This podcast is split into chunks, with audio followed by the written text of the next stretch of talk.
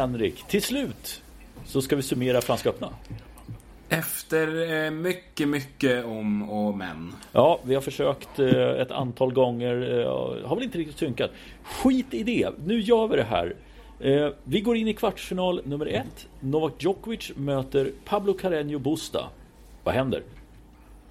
Eh, en hel del rätt så intressanta grejer faktiskt. Eh, för det första så spelar Pablo Carreño Busta riktigt bra. Eh, vad ska man säga, battlade ju liksom turneringen igenom mot eh, ja, folks fördomar om hans spel, precis som i, i eh, USA. Han liksom följde upp den där turneringen på ett alldeles utmärkt sätt. Spelade jättebra mot Djokovic. Ja, det gjorde han eh, Framförallt i matchinledningen. Vann ju första set 6-4. Mm. Ja, men jag, jag, tycker att han skakar om Djokovic lite grann. Nu känns... Eh, då kändes Djokovic som en otroligt stabil... Var ännu inte orolig för att han skulle torska på något sätt. Även om jag, jag liksom höjde på ögonbrynen när Kajan Busta spelade så pass bra. Eh, men det, det är samtidigt där, det är ju så mycket som krävs för att få hem en hel femsetsmatch mot Djokovic. Mot Nadal och Djokovic ska sägas. Mot övriga så, ja men då har du nästan chansen hela vägen. Ja, precis. Nej, men han, jag håller med dig du säger att han kändes, upplevde honom som lite omskakad. Kanske att Karin Busta höll en lite högre nivå än vad Djokovic hade tänkt sig i början. Mm. Eh, och sen blev ju efterspelet ganska roligt också. Djokovic tog en, tog en eh, timeout där, för fick behandling eh, efter att ha hamnat i underläge.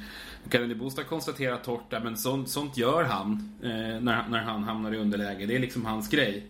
Eh, och det var bara ett tecken på att jag spelar bra. Jag blir stärkt av det. Liksom. Ja.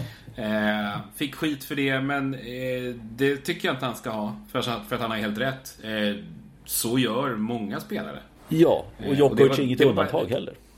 Nej, det är bara ett krasst konstaterande. Ja, och jag spelade bra, han blev stressad. Så var det. Ja, och, och det här, vi har ju sett eh, kanske lite väl övertydliga grejer på damsidan. På herrsidan kanske vi inte reflekterar lika mycket över just de här medical grejerna.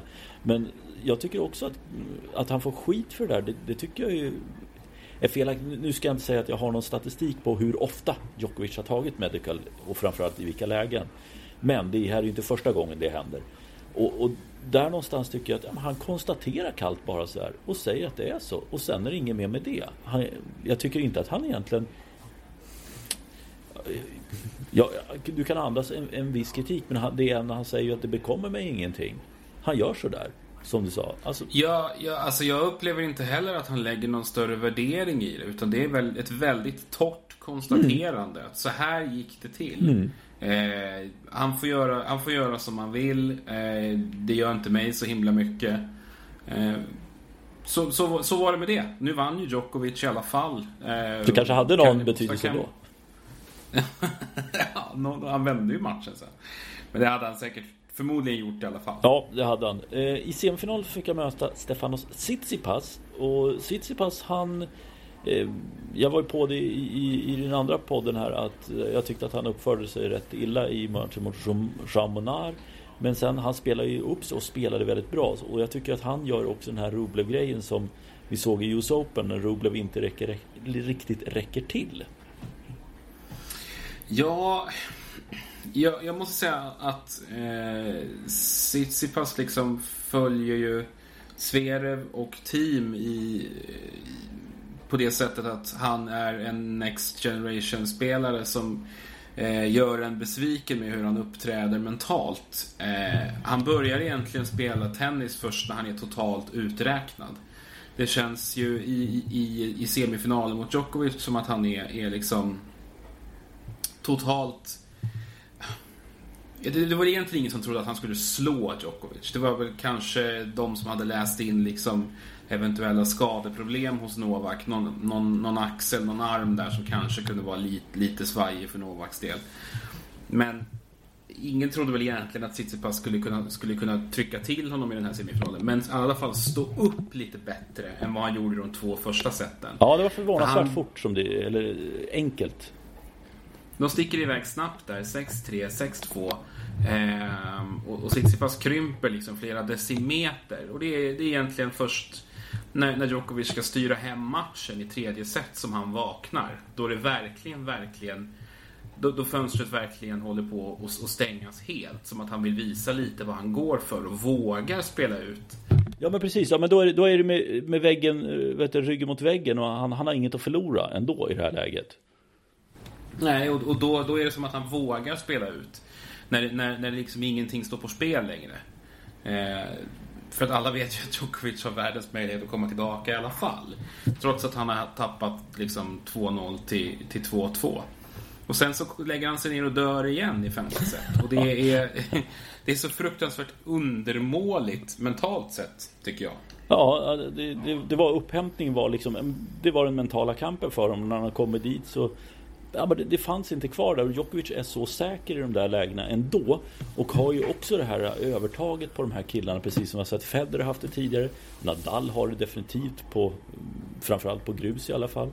Eh, och det är så jävla svårt att mobilisera kraft i det där femte avgörande sättet. Så att, eh, jag vet inte hur mycket han viker sig och hur stark Djokovic egentligen är.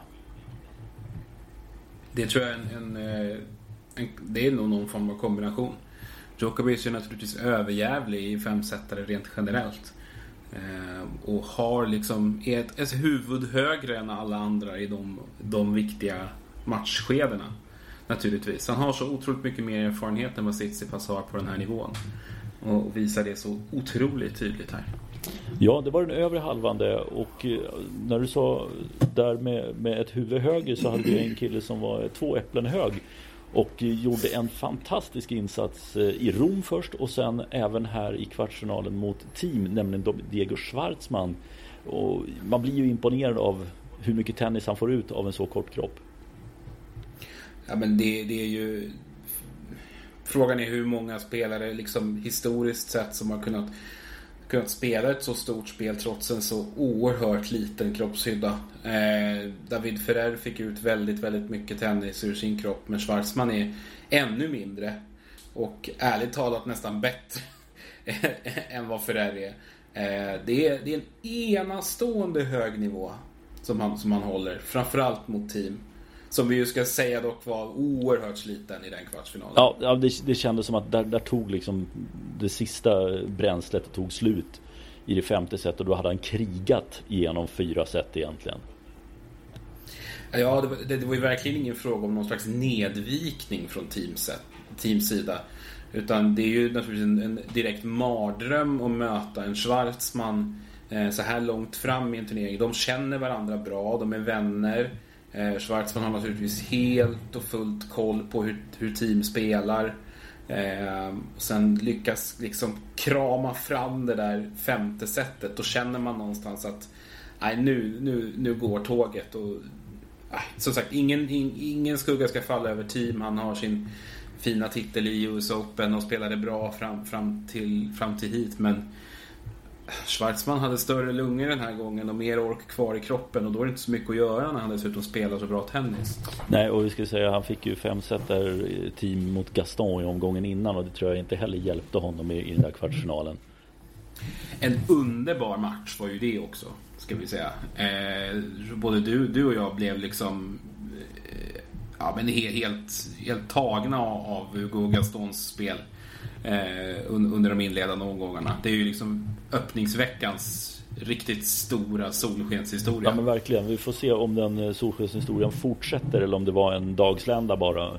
Eh, förhoppningsvis så får vi se mer av honom på eh, hög nivå, vilket jag hoppas. Han, han visade i alla fall påpassligt liksom vad, vad som var eh, det genomgående liksom, superdraget att dra till med i den här turneringen, nämligen stoppbollar. Det måste ha slagits mer stoppbollar i Franska öppna under den här turneringen än vad det gjorts under de sista tio åren.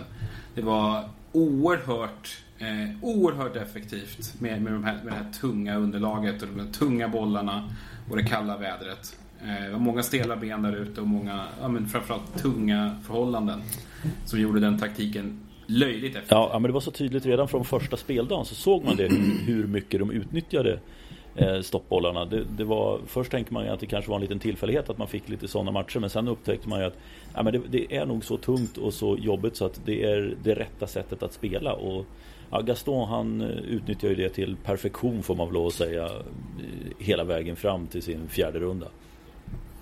Det är kanske ingen slump att du har liksom några sådana här finlirare som ändå tar sig en bra bit framåt i den här turneringen. Liksom, som, som Marton Fuksovic till exempel, lirar, lirar åttondelsfinal. Väldigt välutvecklat spelsinne. Grigor Dimitrov brukar aldrig gå bra i Paris och, och var ju inte särskilt eh, såg ju inte särskilt het ut i US Open. Här tar han sig ändå fram till, till fjärde runda också.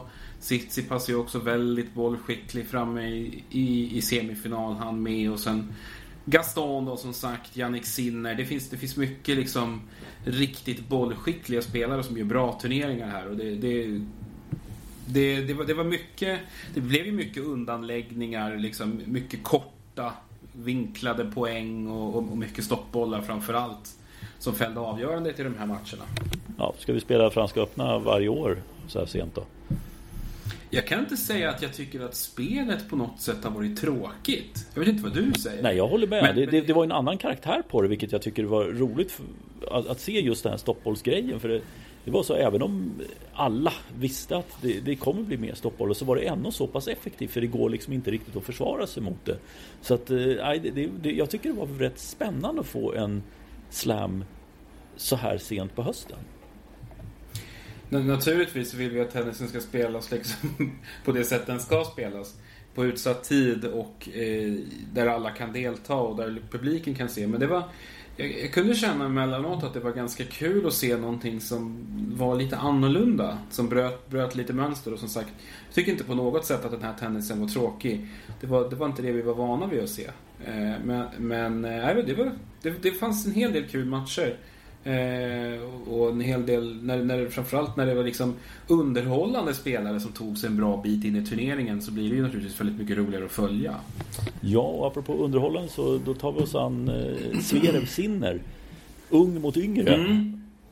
Och, och Sinner han eh, bankar på och jag tycker han har gått in i så väldigt mycket med en totalt jag skiter i allt inställning eller jag skiter i vem som står på andra sidan inställning. Och den har hållit väldigt bra. Ja, det tycker jag också. Han, han känns eh, mentalt sett på betydligt bättre plats än vad Zverev gör i den där fjärde rundan faktiskt. Eh, Zverev tror jag går in i, med en känsla av att han har väldigt mycket att förlora i den matchen. Här kommer liksom en spelare som i mångt och mycket är liksom lite en yngre version av honom själv. Eh, och Zverev å sin sida naturligtvis inte är särskilt gammal. Men eh, Sinne gör en jättefin turnering, verkligen. Han är väl värd den här kvartsfinalplatsen. Ja, och i kvartsfinalen så tycker jag just där i första set, han har break-up. Jag tror han servar för setet vid 5-4 också, Sinner. Och spelar totalt respektlöst. Och Nadal är också lite som vi pratade om, Djokovic vacklar lite grann, Carreño Busta. Här var det lite samma känsla också. In, inte, kanske inte riktigt i och med att han inte förlorade första set, men, men Sinner spelade så totalt hänsynslöst mot liksom den största av dem alla, vilket jag tyckte var väldigt häftigt. Det var väldigt synd att han inte fick med sig ett set, för då tror jag det hade kunnat bli en än mer intressant match. För jag tycker att när Nadal vänder och tar det första setet, då har han honom i en liten säck. Jo, och sen så, så blir det, kopplar han ju bara till liksom en hårdare och hårdare grepp allt eftersom och matchen liksom rinner sinner ur händerna. Men, men jag håller med, det var väldigt respektlöst upp, uppträdande och det är väl lite, lite effektivitet som saknas där egentligen bara. Eh, li, lite grann en... Eh, ja, de, de, viktiga poängen som, som han eh, skulle behöva ha med sig som han inte riktigt får med sig. Ja, men det är väl lite, det är lite rutin, och, spelmässigt... och, rutin och att vara lite cynisk nästan i sitt spel i de, vid de tillfällena också. Kanske lite naivt ja, men, ibland. Ja, och, och sen kanske liksom bara liksom den här förmågan att, att liksom veta när det är läge att trycka på gasen lite extra. Kunna liksom känna den här vittringen av att okej, okay, om jag vinner den här poängen kanske, kanske det inte gör så jättestor skillnad men plockar den här så plockar jag nästa. Det, Nadal kan ju liksom se de där lägena långt innan de uppstår egentligen. Han är ju liksom han är ju så många drag före alla andra. Inte liksom bara enskilda poäng utan liksom hur vart sätt tar vägen som det känns ibland. Eh, och, och, det där är ju liksom en konst som man, igen, man liksom inte kan lära ut. Utan det kommer ju bara med en otrolig rutin. Som nästan bara han har. Ja men visst, så är det ju faktiskt. Det är, han, äh, den rutin han har och det, det, är väl det som, ja, vad ska man säga, när, man, när vi kommer till semifinal där och Diego Schwartzman så är det ju Schwartzman vinner mot Nadal i Rom. Eh, en stor seger förstås för Schwartzman och en, en förlust för Nadal på grus, vilket är ovanligt. Men här i semifinalen, här har vi det som du tycker jag pratar om också. Att det, Nadal är han har alltid någonting och vet vad han ska göra. Ja men absolut. Eh, och återigen, tre, det är tre raka set. Men jag tycker inte Schwarzman gör en dålig insats. Han gör ett dåligt sista tiebreak i tredje set då, han, då han verkligen in, inte lyckas liksom plocka fram sitt bästa spel. Fram till dess tycker jag, han kämpar och sliter som en furie där ute. Han, han gör allt. Han gör precis allt han kan för att hänga kvar i den här matchen. Eh, men det finns nog ingen, ingen spelare som Schwarzmans spel biter så dåligt mot egentligen som en, en formtoppad Rafael Nadal. Rom var ju annorlunda. Rafa hade ju liksom inte fått spela in sig egentligen. Eh, kom, ju från en, kom ju från ett halvårs spelledighet egentligen. Och vi har ju sett honom komma tillbaka efter långa uppehåll. Och spela ganska ja, mediokert med hans mått. Ja. Eh, så det är egentligen inte så konstigt att han åkte på däng då. Det, kunde, det hade egentligen inte behövt vara just Schwarzman. Det hade kunnat vara nästan vem som helst.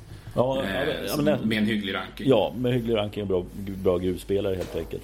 Men, men här är ju Nadal, och du säger det med, med tiebreaker. Jag undrar också så här, om du ligger under med säg 4-0, du har förlorat två av dina servar mot Nadal i tredje sets tiebreak.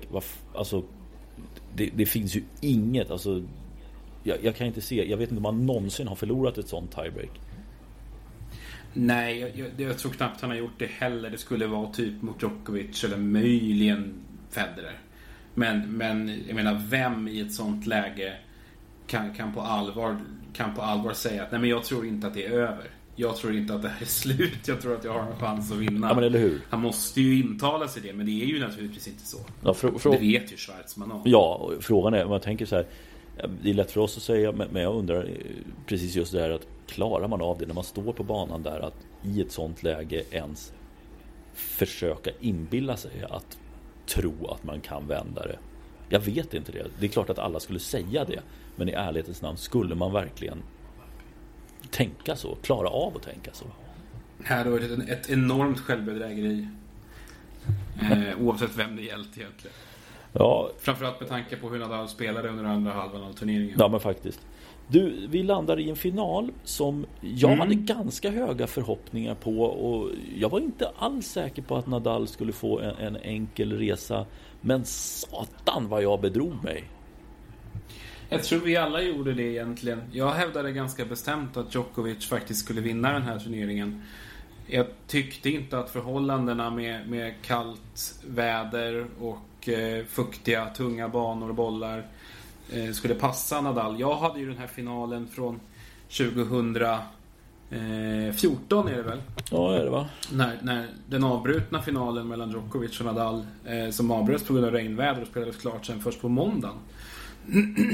Då Nadal vansinnig går och, och hytter med bollarna framför domaren för att han inte kan sätta spinn på dem. Eh, för att de är så tunga av, av, eh, av eh, vatten. Mm. Eh, det var, jag, jag, hade liksom den bilden med mig hela vägen in i den här turneringen. Men vi, ja, man har räknat bort den här mannen förut. Man ska fan akta sig för att göra det alltså. Ja men eller hur. Alltså, vi, vi har ju räknat bort Federer ett antal gånger tidigare och det har vi fått på pälsen för. Eh, och Nadal, att räkna bort honom. Jag vet inte också om det är lite så önsketänkande. Att man vill att eran ska ta slut eller visa att, det, att han är dödlig på gruset i Paris. Men han är ju inte det. Nej, och jag tycker med den här uppvisningen också. Det, det, har ju känts kanske lite sista åren som att det funnits andra spelare som har kommit närmare. Om du tittar på Dominic Thiem till exempel. Han har ju faktiskt kommit gradvis närmare. Eh, Djok, liksom situation, eller vad ska man säga, spelet sinsemellan Djokovic och Nadal. Det där är det liksom status quo egentligen. Djokovic är bättre än Nadal på alla underlag egentligen, utom grus. Där har Nadal honom liksom i, i sin ficka. Men Team har liksom krupit närmare. Finalen förra året var ju väldigt intressant för där fanns det ju faktiskt stunder då, då Team eh, faktiskt lyckades spela bort Nadal. Eh, men så kommer den här insatsen och, och den är... Alltså jag vet inte, jag, vet inte, jag har liksom letat efter, efter rätt sorts eh, rätt sorts superlativ. Det är svårt, men, men det, här, det här är bland det bästa jag har sett Rafael Nadal prestera överhuvudtaget. Det här är i mitt tycke liksom i, i, i klass med eh, hur han liksom bryter sin hardcourt-barriär och hur han trycker till Federer på gräs och... och Nej, det är så jäkla imponerande alltså, den här insatsen. Ja, men det, det, det är sagolikt och det, och det är liksom en gång vi, vi, får aldrig säga något annat namn än Nadal när det gäller Franska öppna någonsin innan han slutar igen. Nej, och, och den här turneringssegern tycker jag liksom ger hopp om att men det kan bli han kan vinna fem till. Ja, ja nästan. Skulle, skulle kroppen hålla så då, då, är det fem till. Men, men att han har en, två till i, i, innanför västen det är ju inga som helst betänkligheter kring. Eh, verkligen inte. I mean, och, och jag, jag, har alltid varit så otroligt imponerad av, av Nadals sätt att uppfinna sig själv på nytt hela tiden.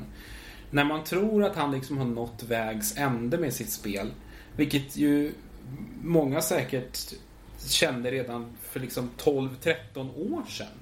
Att okej, okay, han är världens bästa grusspelare. Han kommer att vara världens liksom genom tiderna bästa grusspelare när han lägger av. Det fattade liksom alla. Men, men Federer regerar på de, alla de andra underlagen. Han har liksom ingen chans. Han spelar för långsamt. Han, han har ingen power i sitt spel. Och sen så detroniserar han Federer på, på, på gräset i, i Wimbledon 2008. Och sen så vinner han Australian Open kort, bara några månader senare. Och därefter uppstår skador och han får liksom bygga om sitt spel på hardcore för att korta ner poängen och har liksom vunnit tre US Open-titlar efter det. Ja, det är otroligt. Det, det, det är liksom... Jag, jag, man kommer alltid kunna hålla liksom Novak Djokovic högsta, ihållande högsta nivå som den absolut bästa tennis som någon någonsin har presterat. Absolut. Men jag kan inte se någon som har gjort mer av sina resurser och liksom modellerat om sitt tennisspel, ändrat på saker sent i karriären och liksom gjort, gjort så mycket tekniskt avancerade förändringar i spelet som Nadal har gjort. Och liksom hela tiden förnyat sig själv, hela tiden varit villig att ändra på saker för att bli bättre. Vilket jag tycker är jätteintressant för det är ju sådana här små detaljer när man har hört intervjuer med Moja eller eh, Farbror Tony eller någonting, så är det ju det att de säger det och det känns ju inte bara som att det är snack om att han alltid vill förbättra sig, vill hitta detaljer i ändringar i spel. Utan det är ju det. Det är, alltså, det, det är så otroligt imponerande att ha den hungern och leta efter de där små detaljerna för att kunna hitta, för att kompensera att kroppen kanske inte håller lika mycket. Och, ändå, och, och liksom vara på den absolut yttersta nivån och under så lång tid som man har varit det nu, det är ju 15 år. Ja. Och det visar ju också vilken oerhört, vilka oerhört bra människor han har haft runt omkring sig.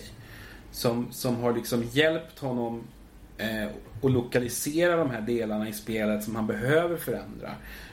Jag tycker nyckeln egentligen under den här turneringen och framförallt i finalen eh, det tycker jag är hur han jobbar med sin backhand-sida. Jag vet inte vad du säger men jag har upplevt att den har blivit den har blivit lite sämre sista åren. Mm, eh. mm, mm, ja, fortsätt. Ja, den, den, har i alla fall inte, inte levererat på samma sätt som den har gjort tidigare. Den här stenhårda down the line-vinnaren som vi fått se tidigare, den, den är inte borta. Men den är blivit sällsynt. Ja, men det, det är en intressant, intressant notering. Uh, för jag tycker, ja, jag tycker ändå, okej, okay, den saknar men jag tycker ändå att han håller ändå fortfarande håller ner, kan liksom hålla ifrån med backhanden så pass bra och ger sig själv lägena med forehandsidan sen i nästa läge. Det, precis, och det är lite det jag ska komma till. att den, den, den, den, den här råkraften som man har haft på backhandsidan. Att liksom enkelt kunna hitta vinnare. Eh, den har han ju upp, den, den upplever att han, det har han tappat. Och det, det är ju åldersgrej. Jag upplever att han blir lite kortare i liksom både, både vad ska vi säga, transportslag och, och liksom försök till vinnare kan han bli ganska mm. kortare än vanligt på backhandsidan. Men samtidigt så, så har han ju börjat jobba mer med slice. Och börjat loopa. Det här var ju, det här var ju många som gjorde den turneringen också. Eh, han har börjat loopa mer på backhandsidan. Och liksom ta ner farten för att, för att tjäna in längd. Eh, på ett sätt som man kanske inte har gjort tidigare och spelat med en betydligt högre, eh, betydligt mer höjd över nätet. igen på backhand-sidan. Mm. Och Det, blivit mycket bra på att hitta korta vinklar där också. Så att det känns som att det händer grejer där hela tiden. Och sen som du var inne på, att han jagar det här forehandläget och det, det här underbara slaget som han är så inside-out forehanden. Som han är så otroligt bra på. Ja. Det är han nästan bättre på än någonsin tycker jag. Eh, han kommer till det läget på ett jättefint sätt nu. ja, det, Men, men det, är, det är någonting som har skett där. Det är, det, det är en liten ändring och det tycker jag symboliserar honom så himla tydligt. Ja, ja men det är hatten av och jag måste säga det, det är fortfarande underbart vackert att se just som du säger när han kommer runt med den här inside out forehanden och se den kraften han liksom förlöser med den forehandsvingen. Det är så mycket, ja, det, det, det är så fantastiskt när man får framförallt de Det här kan vara superslow Torens bilderna. absolut, det kan vara Torens absolut vackraste slag. Ja, det, det är helt otroligt eh, och sagolikt. Så det, det kan ni gärna hitta en super bild när han kliver runt med en inside forehand och slår den.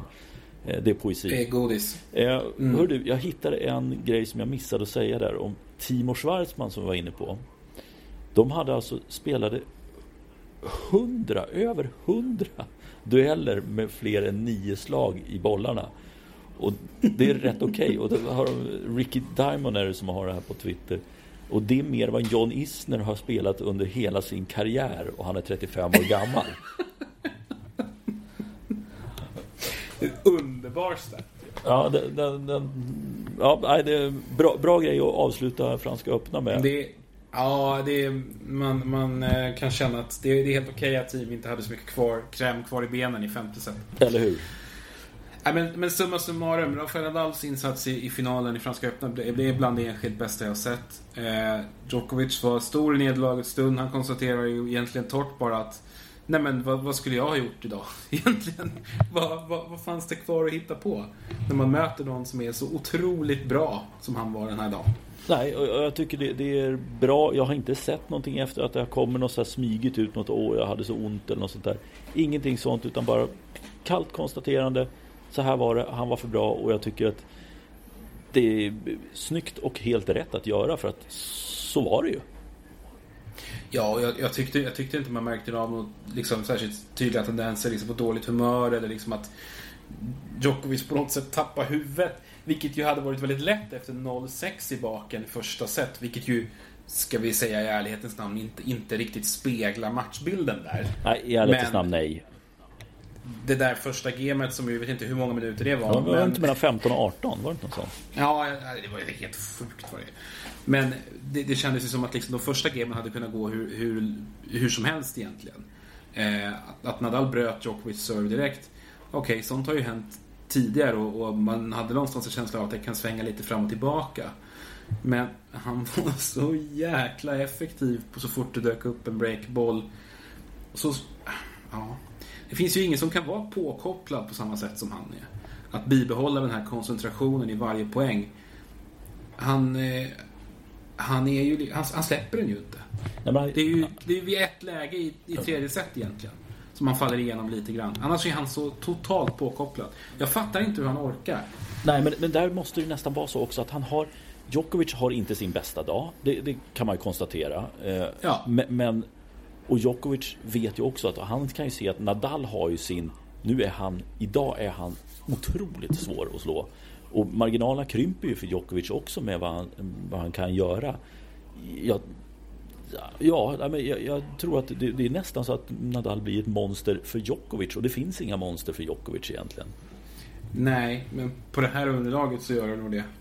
Eh, precis som för, för alla andra. Och eh, frågan är om, om Djokovic ens kan överkomma den här Nadal-demonen på, på det här underlaget igen.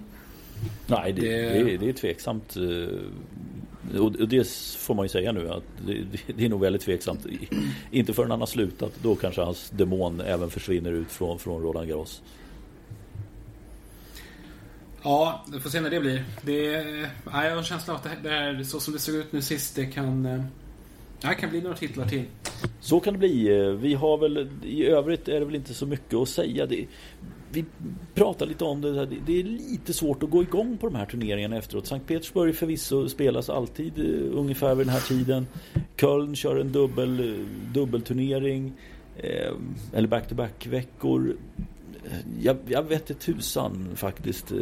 Jag, jag, går inte riktigt igång på det. Det är kul att, att följa det lite grann från sidan. Men det är inte så att jag känner den här riktiga tennishungern faktiskt. Nej, jag, jag, tycker mer att det har varit kul att se, liksom, följa lite unga spelare och se vilka det är som gör bra ifrån sig. Lorenzo Musetti till exempel har varit framme här i Sardinien igen. Som ju Laszlo Gere vann. Mm. Eh, inget ont om Laszlo Gere, men det är inte den spelaren jag helst sitter och, och eh, sneglar på en ledig dag. Nej, eh, det ska gudarna veta. Nej, men jag, jag, håller med dig. Det, det känns lite avslaget. Eh, jag vet inte vad man kan dra för slutsatser av, av de resultat vi har haft här. Felix Auger Sim håller på att arbeta upp någon slags Julien Beneteau-rekord här på eh, förlorade finaler. Ja, eh, sjätte raka torsken. Ja, det, fin det, finns två stycken till som har sex finaler utan att ha vunnit. Steve Denton, 70-80-tal. Och en kille som jag faktiskt var bollkalle åt, tror jag typ 1985 i Båsa, Lawson Duncan, som inte en jävel vet vem det är. Eh, det är de två som har misslyckats med att vinna en final utöver Julian Beneteau. Fråga. Förberedde inte du och jag någon, någon slags lista över de spelare som eh, de bästa spelarna utan en ATP-titel? Jag tror, jag tror aldrig vi färdigställde. Vi hade en idé om att göra Nej, det. Men jag tror hade, att vi, den föll igenom. Det, det, är ganska... den är inte helt lätt att sätta ihop. Nej. Eh, och rätt, och rätt eh, smal. Manarino var med på den listan. Det, det men, var han då. Eh, ja, men det är möjligt att det dyker upp lite sådana här list, eh, listgrejer nu om, om, om eh, intresset för eh, den, den vanliga touren falnar lite här på höstkanten. Ja men visst, det, det, där finns det ju några idéer i byrålådan utan att säga någonting mer än så. Eh, hörru du, ska vi, ska vi ta och stänga den här butiken och så siktar vi på att någonting vid Paris slutspelet så får vi rulla igång igen, rulla bandspelaren igen. Ja, vi, vi, vi kommer att ta ett litet break och sen så när, när det drar ihop sig på allvar här i, i mitten på, eller början på november då är vi tillbaka igen. Eh, och då, då med en redig genomgång av eh, inför ATP-slutspelet. Perfekt. Tack, hej. Hej.